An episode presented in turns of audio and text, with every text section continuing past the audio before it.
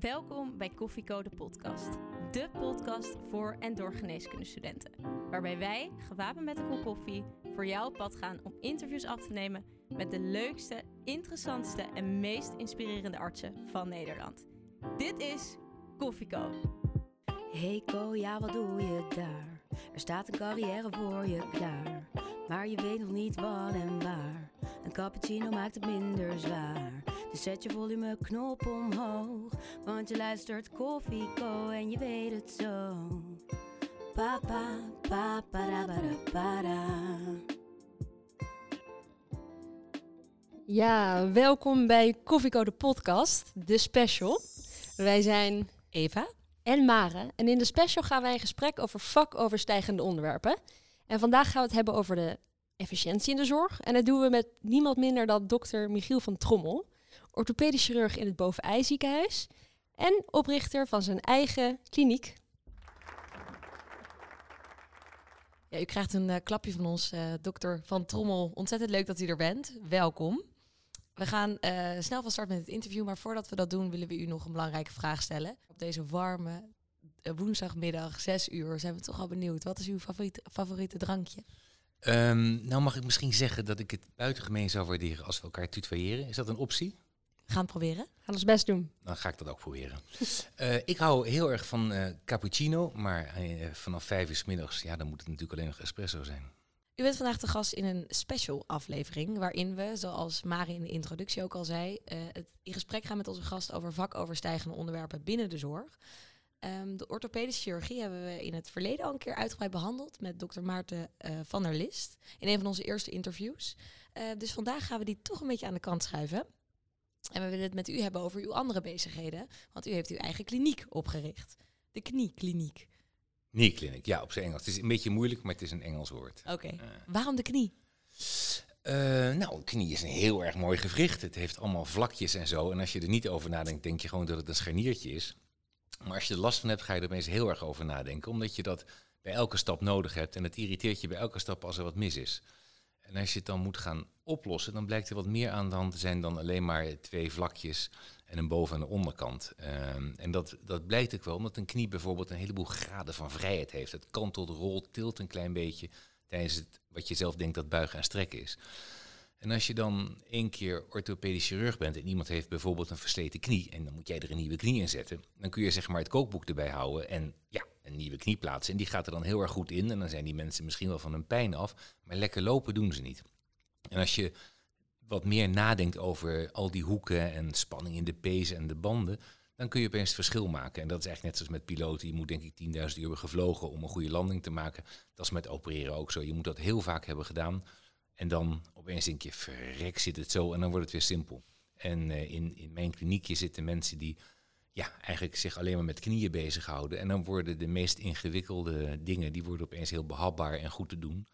Maar soms zijn er toch dingen dat we met elkaar daarover praten en dat we zelf met, met z'n vijven een heel moeilijke koers moeten varen. En dat, dat is eigenlijk heel erg interessant. Wat is jouw favoriete knieoperatie dan? Daar ben ik wel benieuwd naar. Mijn eh, liefste bezigheid is het plaatsen van een halve nieuwe knie.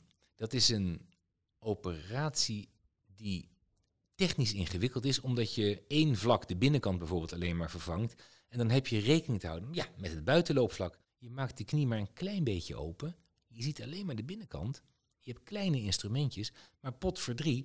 Als je niet rekening houdt met al die gekke hoeken, dan krijg je die knie er wel in, maar dan is de patiënt niet blij. En als je al die rare hoekjes en de spanning in de banden, als je dat allemaal into account neemt, dan wordt het opeens een leuke operatie. En ik weet, als ik dat en dan dat doe, dan zegt die patiënt bij een halve knie na vier maanden, er zijn een paar uitzonderingen natuurlijk, dan zegt hij na vier maanden, het is zo idioot, het is alsof ik niet geopereerd ben.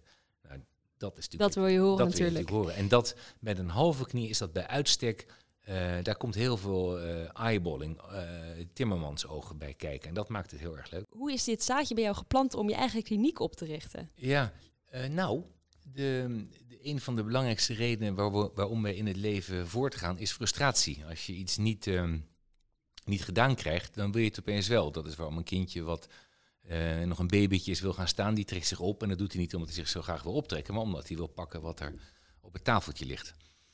En toen ik net medisch specialist was, was er een systeem in de zorg afgesproken waarbij de prikkel om te werken compleet was losgekoppeld van geld verdienen. En dat maakt het systeem compleet lam. Als je in het begin van de jaren 2000 eh, bijvoorbeeld een scheurtje in meniscus had, een operatie van een kwartier en dan gaan we weer, stond je op zijn minst negen maanden op de wachtlijst. Het was echt een bizarre tijd. En ik vond het zo opvallend dat iedereen daar boos over was, dokters en patiënten samen, maar niemand deed er wat aan. En tegelijkertijd, als je dan een knie had die op slot zat, moest je dan, dan nog, dat was een acute patiënt, was nog drie maanden wachten.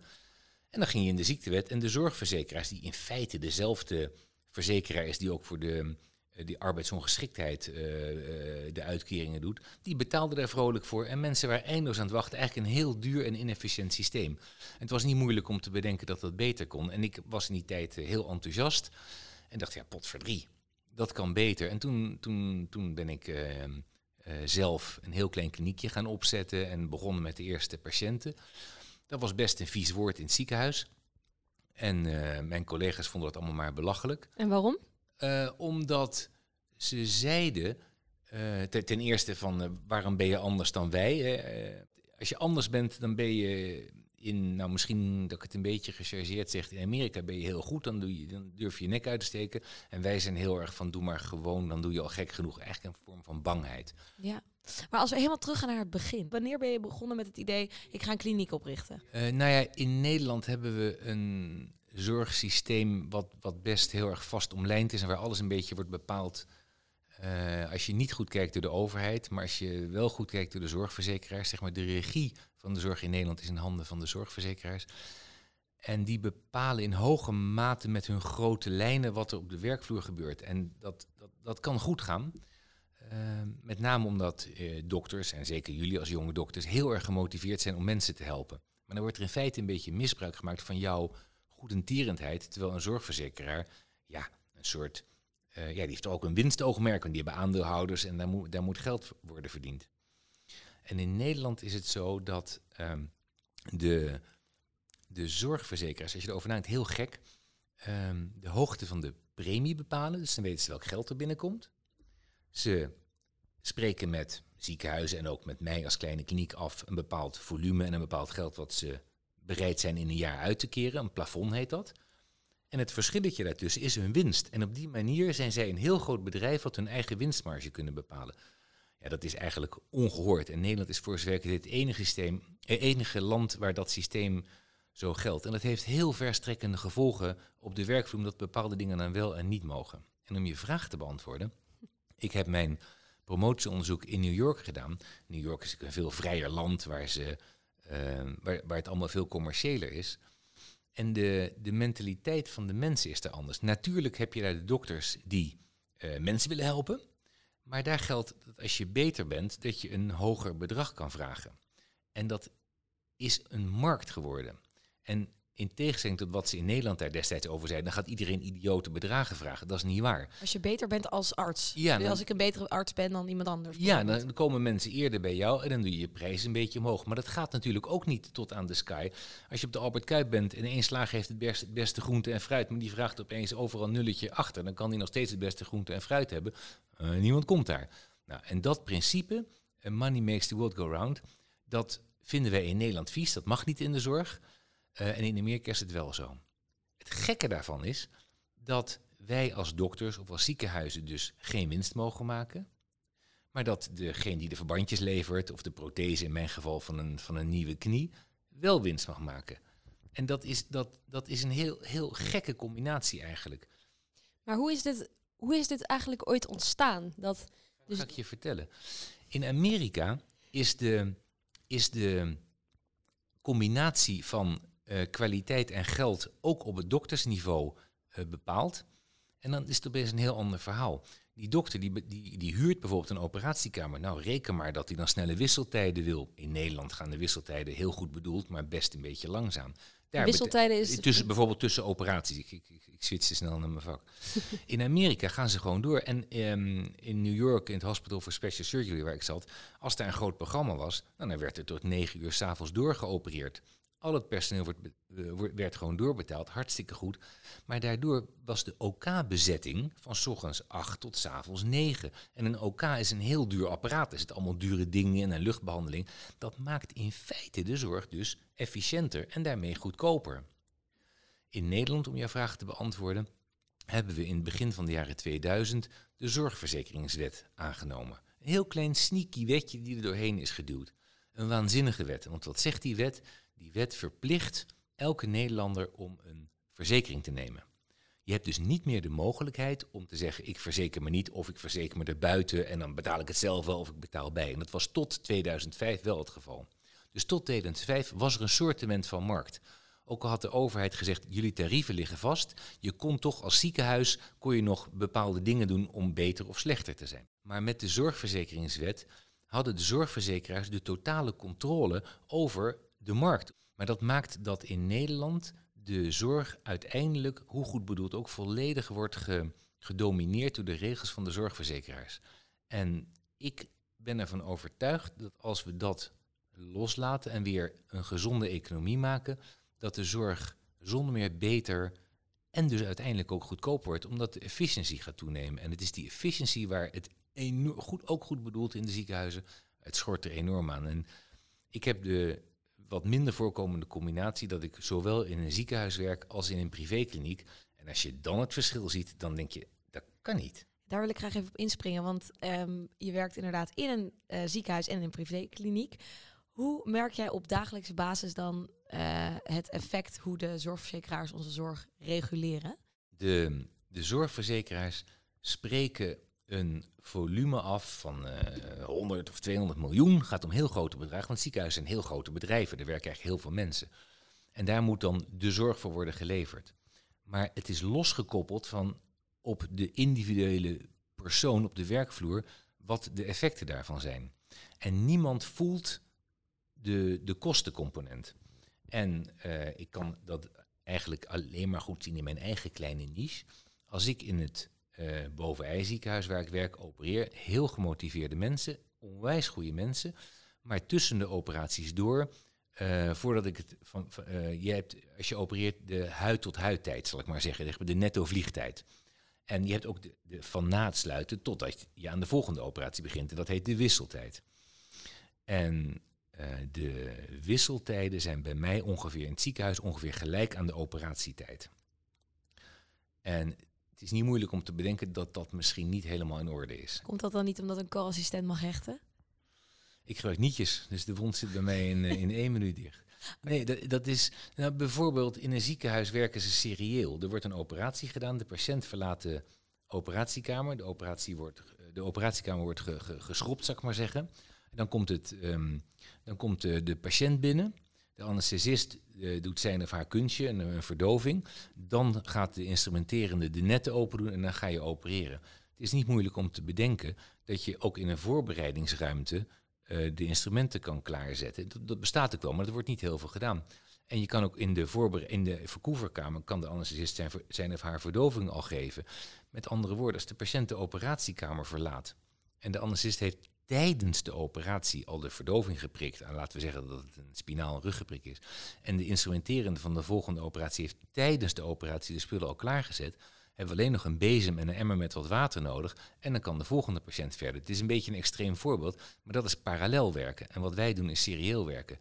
Daar gaat een hoeveelheid tijd in Ja. verloren. Maar het, het klinkt natuurlijk heel logisch dat die efficiëntie fijn is. Maar als ik zelf denk aan hoe dat op elkaar is, dat je moet wachten tot de anesthesie de patiënt heeft eh, voorbereid, dan nemen wij een koffertje. Dat is heerlijk. Dan hebben we eventjes de tijd er tussendoor. Terwijl efficiëntie is fijn, maar het kan ook misschien een beetje fabrieksmatig worden. Eh, Ben ik helemaal met je eens. En dat kopje koffie en het gesprek heb je nodig, want er is ook nog een cultuur. We zijn mensen eh, en we hebben mensen-mensenwerk, dus we willen op een leuke manier met elkaar omgaan. Maar dat is geen excuus om, eh, om maar een uur over een, eh, over een wisseltijd te doen. En een academisch ziekenhuis waar jullie zitten is, is dan niet het goede voorbeeld, omdat daar opleiding is en dan, dan kosten dingen logischerwijs heel erg veel meer tijd. Maar bij mijn ziekenhuis is geen opleiding. En dan, ja, dan, dan zijn er wel verschillen. En dat is een stukje cultuur, want diezelfde mensen die op de elkaar werken, die werken ook, als ze niet ingedeeld zijn in het ziekenhuis, werken ze ook wel eens in een privé-setting. Het zijn diezelfde mensen die dan opeens twee keer zo snel werken. En daar is ook wel tijd voor een kopje koffie. En dat, dat is een beetje gek. Ik begrijp nou niet wat de zorgverzekeraar te maken heeft met deze operatietijden. Dat ga ik je vertellen. Dat is een heel scherpe opmerking. De zorgverzekeraar is natuurlijk het grote frame, dat begrijp ik ook wel. Maar die zorgverzekeraar heeft ervoor gezorgd dat, de, dat jij als patiënt, mens, klant, niet meer de vrijheid hebt om te zeggen: ik wil zelf voor mijn kwaliteit betalen. Dus als aanbieder ziekenhuis, dokter, is er voor jou, beste zorg leveren, maar geen directe behoefte om nou, wat efficiënter te werken, om nog een tandje extra te doen, om s'avonds door te werken, om bijvoorbeeld de bezettingstijd van de OK beter te houden. Want jouw, heel plat gezegd, jouw inkomen hangt daar niet meer zo van af. Nee, je krijgt niet sterretjes erbij op je profiel of iets. Bijvoorbeeld, ja, Google Review helpt een beetje als het om kwaliteit gaat, maar niet als het gaat om efficiëntie in de zorg. En de zorg is hartstikke duur. Het was vroeger nummer twee naast het ministerie van Sociale Zaken, ik, naast de uitkeringen, zou ik maar zeggen. Maar ik geloof, ik weet niet precies, maar ik geloof dat de zorg inmiddels het duurste onderdeel is. We hebben een heel goede zorg, daar gaat het op zich helemaal niet om. Alleen ik denk dat wij te veel betalen voor de zorg en dat wij uh, totaal geen echte marktwerking hebben. En ik denk oprecht dat de marktwerking helemaal niet leidt tot kostenverhoging, maar tot efficiëntie in de zorg. En sterker nog, dat durf ik te zeggen, omdat er een heleboel landen om ons heen zijn, in Engeland en Amerika, waar of in Zwitserland, waar dat wel gebeurt. Maar denk je dat, uh, want nou ja, je bent al lang in het vak. En uh, je gaat al een stuk langer mee, laten we zeggen, in de Nederlandse zorg dan, dan wij. Je hebt het over begin 2000, dat toen allemaal is veranderd. Heb je ook gemerkt dat dat jij zelf, maar ook je collega's ook op deze manier minder plezier krijgen in het uitvoeren van hun vak? Totaal. De regeltjes in de zorg. Ik heb naar 2005 in de zorgverzekeringswet als voorbeeld genoemd. Maar in de loop der jaren zijn er wat verdere aanpassingen geweest. En een van de dingen die nu heel erg in het ziekenhuis speelt, is een heel grote regel van de zorgverzekeraars met verstrekkende gevolgen voor de werkvloer. En dat is dat we in de ziekenhuizen een eigen geldeenheid hebben afgesproken. Die heette vroeger een DBC, Tegenwoordig heet het een DOT. En dat is in feite een bepaald product waar de zorgverzekeraar een bepaald geld aan hangt en jij als dokter of als ziekenhuis een bepaalde dienst voor moet leveren. Klinkt mooi hè? Maar het is hetzelfde als jullie op dat festival zijn, dan wordt er met muntjes gewerkt in plaats van dat je met je pinpas moet afrekenen. Waarom is dat? Omdat je dan geen begrip meer hebt van het geld. En die uh, dot haalt je gevoel van het geld weg. Die dots hebben dus de combinatie van geld en uh, werk inzet nog verder weggehaald dan uh, vroeger het geval was. En je hoort wel dat ik dat een goed principe vind. En voor de tiende keer niet om er rijker van te worden, maar vanwege efficiëntie. Toch moeten die dokters in een ziekenhuis geld verdienen. En je hebt twee soorten manieren van betalen van de dokters. Zoals in een academisch ziekenhuis, waarbij iedereen in loondienst is. Nou, dan is de koppeling werk en inkomen 100% weg. En in een ziekenhuis waar de dokters werden verplicht om in een soort coöperatie te gaan. En de, de, de ziekenhuisdirecteur geeft dan een bepaald deel van het geld wat binnenkomt aan de dokters. En zegt tegen die dokters, jongens, verdelen jullie het maar onder elkaar. Een maatschap? Nee, een maatschap, het, eh, dat gaat een beetje ver. Maar het juridische begrip maatschap is, mag in Nederland niet meer hebben. heeft de overheid bedacht al een aantal jaar geleden. Ook voor advocatenkantoren. Nee, het is een coöperatie geworden. Dan ben je dus eigenlijk een soort van bedrijfje binnen het ziekenhuis. Ja, dat zou je kunnen zeggen. Maar een coöperatie is een, een, eh, een, een, gemeen ding, zou ik maar zeggen. En dat betekent dat die dokters onder elkaar, er wordt een zak met geld in, de, in, in het hok van de dokters geworpen en jongens gaat maar verdelen. Nou, wat gebeurt er dan? Dat iedereen gaat vechten en allemaal gaan ze aan die zak met geld trekken. En iedereen is bezig om een zo groot mogelijk stukje van de taart te krijgen. Terwijl tegelijkertijd, als je erover nadenkt, de, de koppeling met de inspanning helemaal weg is geraakt. En dat leidt in bijna alle ziekenhuizen ertoe dat er een soort onderlinge verdeling wordt gemaakt, gebaseerd op andere dingen dan productie. Want dat, dat kunnen we niet meer in het ziekenhuis. En dat leidt er dan bijvoorbeeld toe dat de chirurgen en anesthesisten zeggen: wij hebben heel veel disutility, want wij moeten s'nachts er altijd uit, dus wij willen 20% meer geld hebben. En dan zeggen de dermatologen: ja, dat is allemaal leuk en aardig, jongens, maar jullie hebben wel de dag na je dienst heb je vrij. Dus als jij uh, die nacht niet gebeld bent, kan je toch een lekker een dagje op het strand gaan liggen of naar een festival gaan. Nou, dat leidt tot enorme oorlogen en, uh, en daarmee frustratie. Want dat, dat is uh, het allemaal trekken aan dezelfde zak. Daar kom je, met allemaal gelijke kom je daar natuurlijk nooit uit. En om jouw vraag te beantwoorden, dat is niet lekker voor je gevoel. En ik zit dan tussen de operaties door in de artsenkamer op de OK. En anesthesisten en urologen en chirurgen en orthopeden het standaard onderwerp van een gesprek in zo'n ziekenhuis waar je niet in lonings bent, is die zak met geld en hoe we met die verdeling om kunnen gaan. Maar dat is toch, die verdeling, dat is toch ook hoe die marktwerking werkt? Ja, nee. Want natuurlijk is het, het lijkt een verdelen van geld, maar bij markt, een markt, als je denkt over het middeleeuwse begrip of het oude begrip markt, daar zit een prijs-kwaliteit koppeling aan. En deze markt is onderling trekken aan een zak met geld als een stelletje hyena's. Niemand praat meer over, jongens, laten we die operatiekamers even zeven dagen per week doen. Vragen we twee keer zoveel geld, maar zijn de wachtlijsten weg en neemt de OK-bezetting met 100% toe. Want die OK-kosten zijn nog altijd veel hoger dan de salarissen van de dokters en de verpleegkundigen. Maar het gebeurt niet omdat, en dan kom ik terug op het wat je net vroeg, die zorgverzekeraars die koppeling dus helemaal hebben weggehaald.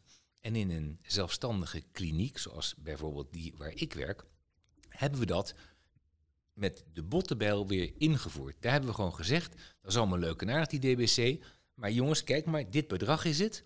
Jullie krijgen met z'n allen een bepaald percentage van die DBC en uh, ga ervoor. En als je dus meer operaties op een dag doet, dan krijg je ook meer geld. Maar hoe kan dat dan? Kan je, kan je ons even vertellen hoe zo'n kliniek werkt? Ja, um, in feite juridisch is het precies hetzelfde als een ziekenhuis. Je moet aan dezelfde eisen en regeltjes voldoen als een ziekenhuis. En dat is best een inspanning, want een groot ziekenhuis heeft uh, allemaal medewerkers die voor de jaarlijkse visitaties en controles allemaal mooie rapporten kunnen bedenken. Ja, in zo'n kliniek heb je dan maar één iemand die dat doet, die geen kost geldt, want die levert geen productie, maar dat is een eis van de inspectie. Dus dan moet elk jaar rapporten aanleveren en dan komen mensen van beroepsorganisaties kijken. En ik zie al 25 jaar lang die rapporten in een uh, laadje gaan. Dat is eigenlijk zonde, best ja. inefficiënt en zonde. Maar wat hebben we gedaan in onze eigen, of wij, iedereen doet dat in zo'n zelfstandige kliniek. Dan zeg je tegen de arts, jullie zijn niet in loondienst. We hebben geen coöperatie van artsen. Jullie staan er wat dat betreft alleen voor op een positieve manier. Jij mag net zoveel doen als je zelf wil. En dat maakt dat je een beetje wakker wordt. En hé, hey, wat zien we nou gebeuren? Je zou dan denken, dan gaat die dokter als een gek jakkeren en uh, nog een extra operatie doorheen drukken. Maar dat is helemaal niet waar. Uh, die dokter die gaat dan uh, wel een beetje doorwerken op een efficiënte manier. Maar weet donders goed dat het personeel om hem heen ook een kopje koffie wil en het gezellig wil houden. En dan ontstaat er een soort evenwicht. En dat vind ik een gezonde markt en een gezonde ja, werkvloer en een gezonde voedingsbodem om in te werken. En het is die overkoepelende regelgeving van de uh, zorgverzekeraar. En dit is natuurlijk heel snel geschakeld van mij. Je kan er van alles op afdingen. Maar heel puur gekeken, dat helemaal bovenin heeft enorme gevolgen voor hoe je dan op de werkvloer bent. En in feite zou je dat in een ziekenhuis ook moeten doen. Alleen, en dat, dat kan ook wel. Alleen de ziekenhuis is een wat complexere organisatie. En die koppeling van die zak met geld en de DBC's en tegenwoordig de DOTS, die is zo complex geworden dat ontrafelen en dat op een gezonde manier weer herindelen. Dat kan wel als je een single-issue kliniek bent, zoals bij ons met knieën. Want wij hebben maar, wij hebben maar uh, hou met de goede tien uh, dotjes of DBC's, of hoe je die wil noemen. Ja, een ziekenhuis heeft nog steeds 4500. Dat, dat, wordt dat is op dit moment best ingewikkeld. Ja. Zo'n zelfstandige kliniek. Uh, jij bent orthopedisch chirurg. Kan, kan elke specialist dat oprichten? Ja, tuurlijk kan elke specialist. Sterker nog, je hoeft niet eens een arts te zijn om een zelfstandige kliniek op te richten. Je moet een erkenning aanvragen. En een aantal jaar geleden kon dat niet. En hou me te goede, maar volgens mij kan dat weer wel. Uh, de reden om het te doen is, nou ja, wat ik je net een beetje geschetst heb, omdat je dan iets meer de mogelijkheid hebt van marktwerking, hoewel de tarieven van de zorgverzekeraars wel een beetje worden gedicteerd, maar je hebt wel de gelegenheid om het efficiënt te doen. Dat is ook een heel belangrijke reden om het niet te doen natuurlijk. En dat is dat je dan onder de vlag van een heleboel controlerende instanties valt, die allemaal dingen aan je vragen waarvan je denkt, oh my god, dit ga je niet menen. Maar ze vragen het wel en als je niet doet wat ze zeggen, dan krijg je op je kop op. En wat is, een, wat is een voorbeeld van wat ze, wat ze van je willen weten? Um, nou, uh, bijvoorbeeld de inspectie komt langs en die zegt, uh, we zijn met een uh, pilot bezig of alle implantaten wel veilig zijn die jullie kiezen. En daarom hebben we een steekproef gedaan onder een aantal zelfstandige klinieken en willen wij precies weten hoe jullie tot een bepaalde prothese komen en hoe jullie dat handelen en dat soort dingen.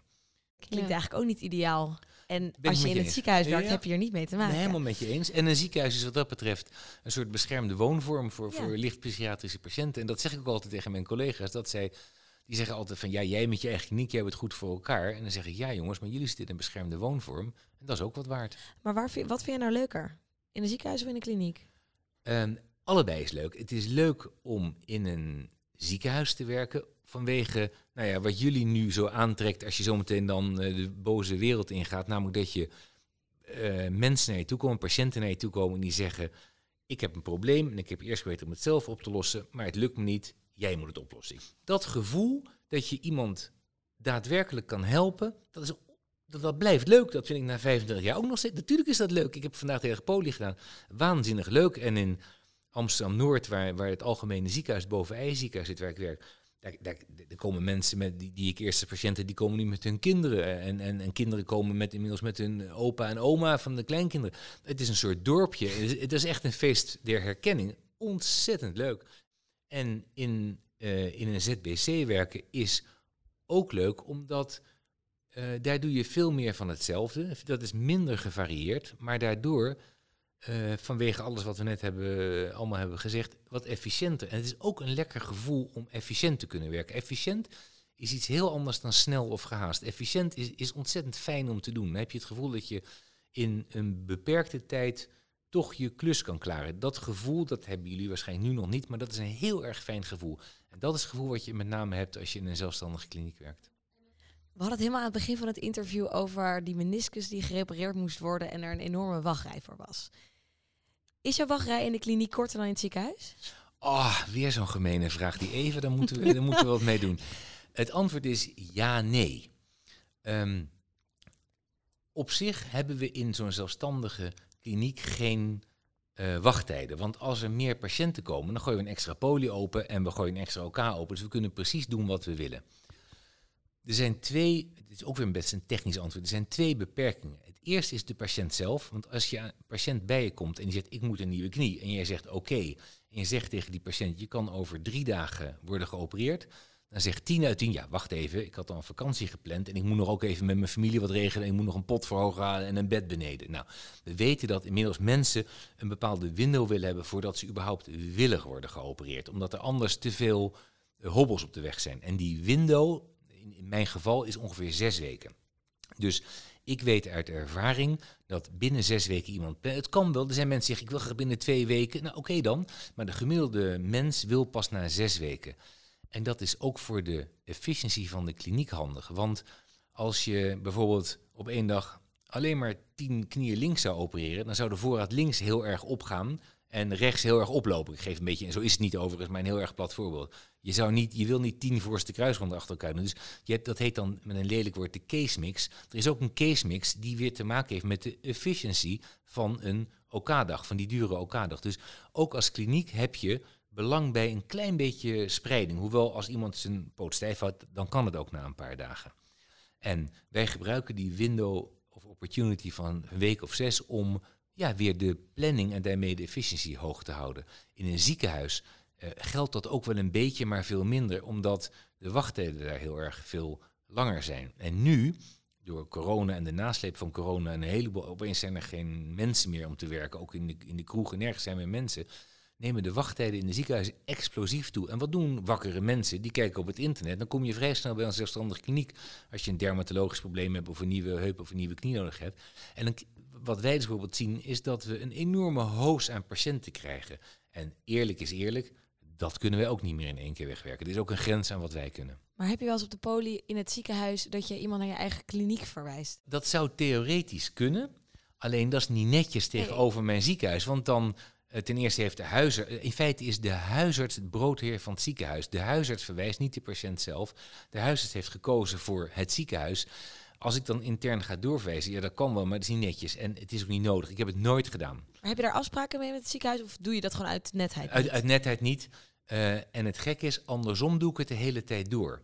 Omdat um, in een ZBC zijn grenzen aan wat kan. Als iemand, uh, je hebt, de, ik weet niet of je het weet, de ASA-classificatie van de anesthesisten. Mhm. En die hebben vijf klasses, vier, vijf klassen, de ASA-classificatie. Heel simpel, maar waanzinnig goed bedacht. En als iemand ASA 1 of 2 is, dan mogen ze in een zelfstandige behandelkliniek. En drie of hoger, dan moeten ze in het algemene ziekenhuis. Tegelijkertijd, in het ziekenhuis opereer ik ASA 3 mensen. En ik, heb, ik kan me niet heugen dat ik iemand na een knieoperatie opeens op de intensive care heb gehad. Maar goed, dat zijn nou eenmaal de regeltjes. Ja. En wat doen we nou? Ik ben vrienden met mijn eigen ziekenhuis. Ik huur operatiekamerruimte en bedden terug in mijn ziekenhuis. Nu in die COVID-tijd met weinig personeel kan het haast niet meer, maar de afgelopen tien jaar hebben we het heel veel gedaan. Hebben we gewoon een onderlinge afspraak gemaakt. En ik huur eigen OK-ruimte terug in mijn eigen ziekenhuis. En mensen die ASA 3 zijn en dan aan hun knie moeten worden geopereerd, die opereren we dan in het ziekenhuis. En als mijn eh, knie kapot gaat, dan klinkt het heel aantrekkelijk om dan naar een eh, kliniek te gaan waar ze daar volledig in gespecialiseerd zijn. Betaal ik dan ook de hoofdprijs? Dat, dat zou hartstikke gezond zijn, maar we begonnen te zeggen in dit verhaal dat je in Nederland verplicht bent verzekerd via een zorgverzekeraar. En het is de zorgverzekeraar die betaalt. Ik heb heel vaak, eh, heel veel mensen uit Volendam, dat zijn altijd heel ondernemende mensen. Eh, als je in Amsterdam komt en je hebt een auto, dan weet je dat s ochtends om zeven uur allemaal witte busjes uit Volendam naar Amsterdam rijden. Dat zijn ondernemende mensen. Dus die zeggen altijd, eh, dokter, ik heb last van mijn knie, ik moet geld verdienen. Ik betaal het wel zelf, maar kan ik morgen worden geopereerd? En dat kan om twee redenen. Niet om de simpele reden dat je niet twee mensen op één operatietafel kan leggen. En technisch door ons zorgsysteem niet mogelijk is. Dus je kan niet meer of minder betalen. Maar een, dus de verdeling van wie wel in jouw kliniek geopereerd worden en wie niet, dat is dus door die ASA-classificatie. Um, nou ja, in toevallig in mijn kliniek kunnen ook mensen met een hogere ASA-classificatie worden geopereerd.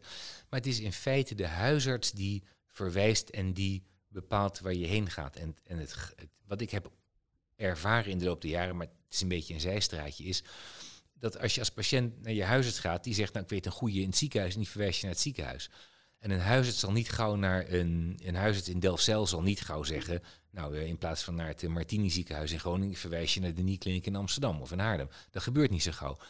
Tegelijkertijd zijn patiënten, ook door het internet tegenwoordig, wat mondiger geworden. En die zeggen dan zelf, ik wil zelf naar een zelfstandig behandelcentrum om uh, te worden geopereerd. En, en, en, tien jaar geleden had je dan altijd een beetje een boze verwijsbrief van de huis. Die zei, patiënt eist verwijzing naar jullie toe. Nou, en in de loop der jaren is dat helemaal anders geworden. En uh, ja, is dat allemaal geregeld en komen de mensen gewoon overal vandaan. Maar kan in principe dus iedereen met een basisverzekering ook naar een privékliniek? Ja, maar het klinkt toch zo duur, privékliniek, alsof je daar heel veel geld voor moet hebben om door de beste dokters je te laten opereren of behandelen. Ja, dat, uh, wat, met name de wat oudere patiënten denken dat nog, maar het is gewoon niet zo. Het is hetzelfde, het is hetzelfde we voldoen aan dezelfde eisen uh, als een algemeen ziekenhuis. En, en we zijn, uh, dat de zorgverzekering weet ik ook wel te efficiënter zijn en die ja, doet er ook een afslagje van. Stel, jij mag de, het ideale plaatje schetsen voor Nederland, of je mag, jij mag het nu veranderen. Hoe zou je het systeem dan inrichten? Uh, nou, ik, ik ben geen beleidsmedewerker. Ik kijk vanaf de werkvloer en de mensen die het bepalen, die zitten in de Tweede Kamer en zitten op een ministerie. Uh, en die aan de ene kant weten die veel minder van de werkvloer dan als je op de werkvloer werkt. Ook al hebben ze informatiedagen en horen ze allemaal mensen aan, ze weten het gewoon niet echt. Aan de andere kant zijn ze beter op de hoogte van mogelijke juridische wet en regelgeving en mogelijkheden. Dus ik kan geen sluitende uitspraak doen. Maar het is niet heel moeilijk om te bedenken dat de klemmende arm van de zorgverzekeringswet niet heel gezond is voor, voor de zorg in al zijn aspecten. Hoewel het ook goede dingen heeft. Um, de kwaliteit van zorg die is al heel erg geborgd, zoals dat met een lelijk woord heet, door allerhande regelgeving en controlerende boze instanties. Dus laten we die zorgverzekeringswet eruit gooien en uh, niet alleen vrije artsenkeuze toelaten, dat staat ook nu onder druk, dat is de, de waanzin ten top, maar ook vrije verzekeringskeuze. Want op het moment dat jij als wakkere burger zelf kan kiezen hoe jij je verzekering, bij wie je verzekert, of je helemaal niet verzekert, ben je toch wakkerder in de zorg die je daarvoor krijgt. En dat die prikkel, dat is een heel dan kan je van onderuit het systeem weer gezond maken. Dus ik denk dat dat loslaten een eerste stap is, als een soort sneeuwbal die heel veel effect heeft gehad. De gedachte dat de overheid voor jou besluit hoe je je moet verzekeren, dat is een, hoe zeg je dat, paternalistische gedachte die ik uh, uit kostenbeheersingsoogpunt wel begrijp, maar uit gezond verstand uh, helemaal niet begrijp. Ik hoor heel goed wat je zegt en ik, uh, ik zie inderdaad heel erg het nut ervan in. Maar wat ik dan gelijk wat in mijn hoofd komt bij het niet verzekeren en hoe het dan in Amerika is, je hoort er ook heel veel problemen. Mensen die dus Absoluut. geen zorg kunnen betalen. Absoluut, ben ik helemaal met je eens. Dus wij leven in een poldermodellenland. Dus komt er altijd weer een compromis. En het systeem wat we hadden, dat, daar, daar zitten flaws in. Dingen die destijds niet goed waren, die wel met kwaliteit te maken hadden. Maar dat is nu wel geborgd, zoals ik net zei met dat bekende lelijke woord. Maar bijvoorbeeld in Engeland heb je het systeem dat iedereen zeg maar, in een soort ziekenfondssysteem is verzekerd. En, net als in Zwitserland. En dat je daarnaast de mogelijkheid hebt om je particulier bij te verzekeren. Het lelijke daarvan is dat je dan, dan gaan politici zeggen, ja, maar dat leidt tot tweedeling in de zorg en de haves en de haves not. Absoluut waar. Dat is zo, daar zit een ongelijkheid in, maar tegelijkertijd, je hebt een basisverzekering en je wordt geholpen. En het systeem is, is best goed. En in Zwitserland en in Engeland voor een paar duizend piek extra per jaar, dat is best geld voor een heleboel mensen, heb je dan de mogelijkheid om jezelf bij te verzekeren. Het gaat mij daarbij niet zozeer dat die mensen een leukere prothese of een betere behandeling hebben. Het gaat er mij om dat er dan een prikkel in de zorg komt om het efficiënter en daarmee goedkoper te maken. En ik ben ervan overtuigd dat het loslaten van die koppeling de basis is om de zorg efficiënter te maken en goedkoper. Oké, duidelijk. Ehm, jij hebt, denk ik, als een van de enige orthopedische chirurgen, nou, misschien is dat niet zo, maar je hebt in ieder geval een eigen website. Die zagen, we ja. googelden je en eh, we kwamen gelijk op je eigen website terecht, waar een filmpje op stond waarin je duidelijk tips geeft voor eh, de wandelvierdaagse, hoe je knieën dat goed kunnen doorkomen. Ben je zelf een wandelaar? Ik ben geen wandelaar, maar is een goede. Maar eh, ik, moet helemaal opletten. Ehm, maar wetend hoe belangrijk eh, de cliché van sporten en goed voor je lichaam en trouwens ook reinigend voor je geest is, loop ik marathons. Dat is het eerste waarvan je zou denken dat dat ongezond is. En ik heb helemaal geen marathonbouwer, want mijn BMI is net een beetje aan de hoge kant. Maar het is een stok achter de deur om die BMI weer naar beneden te krijgen. En ik weet hoe gezond het is en hoe groot de bevrediging is als je dat doet. Dus ik loop naast squashen en een beetje fitness, loop ik lange afstanden. En ik ga bijvoorbeeld met mijn lieve oudste dochtertje in november de marathon van New York lopen, mijn twaalfde. En dan gaat het bij mij niet om de tijd, maar om het uit te lopen, want ik weet hoe goed dat voor je gewrichtjes is. Hoe lang moet je daarvoor trainen?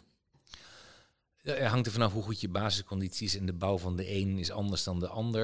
Er zijn ontzettend veel schema's te kijken op het internet en loopgroepjes en allemaal mensen die daar eh, negen maanden voor trainen. Ik denk zelf, als je eh, zeg maar geen eh, condition hebt, zoals de Amerikanen dat noemen, dus als je zeg maar gezond van lijf en leden bent, dat je met een maand of vier moet je er wel kunnen komen. Dan, dan loop je niet met die Kenianen mee, maar dan fish- finish je op een heel gezellige manier. Dat is het belangrijkste, Ja. toch finishen. Zo is het. Je bent chirurg, je werkt in het ziekenhuis, je bent directeur van je eigen praktijk. Heb je nog wel vrije tijd? Ja, ja, ik heb wel vrije tijd. Ja. ja, het is wel zo eerlijk is eerlijk. Als je eigenaar bent van, trouwens van elk bedrijfje, dat gaat altijd door. Als ik ehm, eh, met vakantie ben, dan zijn er nog tien telefoontjes en ook nog stiekem dat middagje dat ik eh, nog even moet gaan werken. Ik was eh, een paar dagen geleden met wat vrienden naar een jazzfestival in Zuid-Frankrijk. Eerlijk is eerlijk, ik heb een ochtend eh, zitten werken thuis, terwijl zij met z'n allen gezellige wandeling gingen maken. En uiteindelijk was die ochtend tot vijf uur middags. Maar ja, aan de andere kant, als je eigen winkeltje hebt, hoe leuk is het om dat winkeltje weer levend te houden? Dus dat is geen stress, dat is niet vervelend. Werken wordt dan opeens geen eh, belasting meer, maar een uitdaging. Dat is gewoon leuk. Eh, maar ja, er wordt best hard gewerkt. Maar ik zorg geen medelijden, ik zorg ook goed voor mijn vrije tijd. Maar lukt het je dan ook om het uit handen te geven?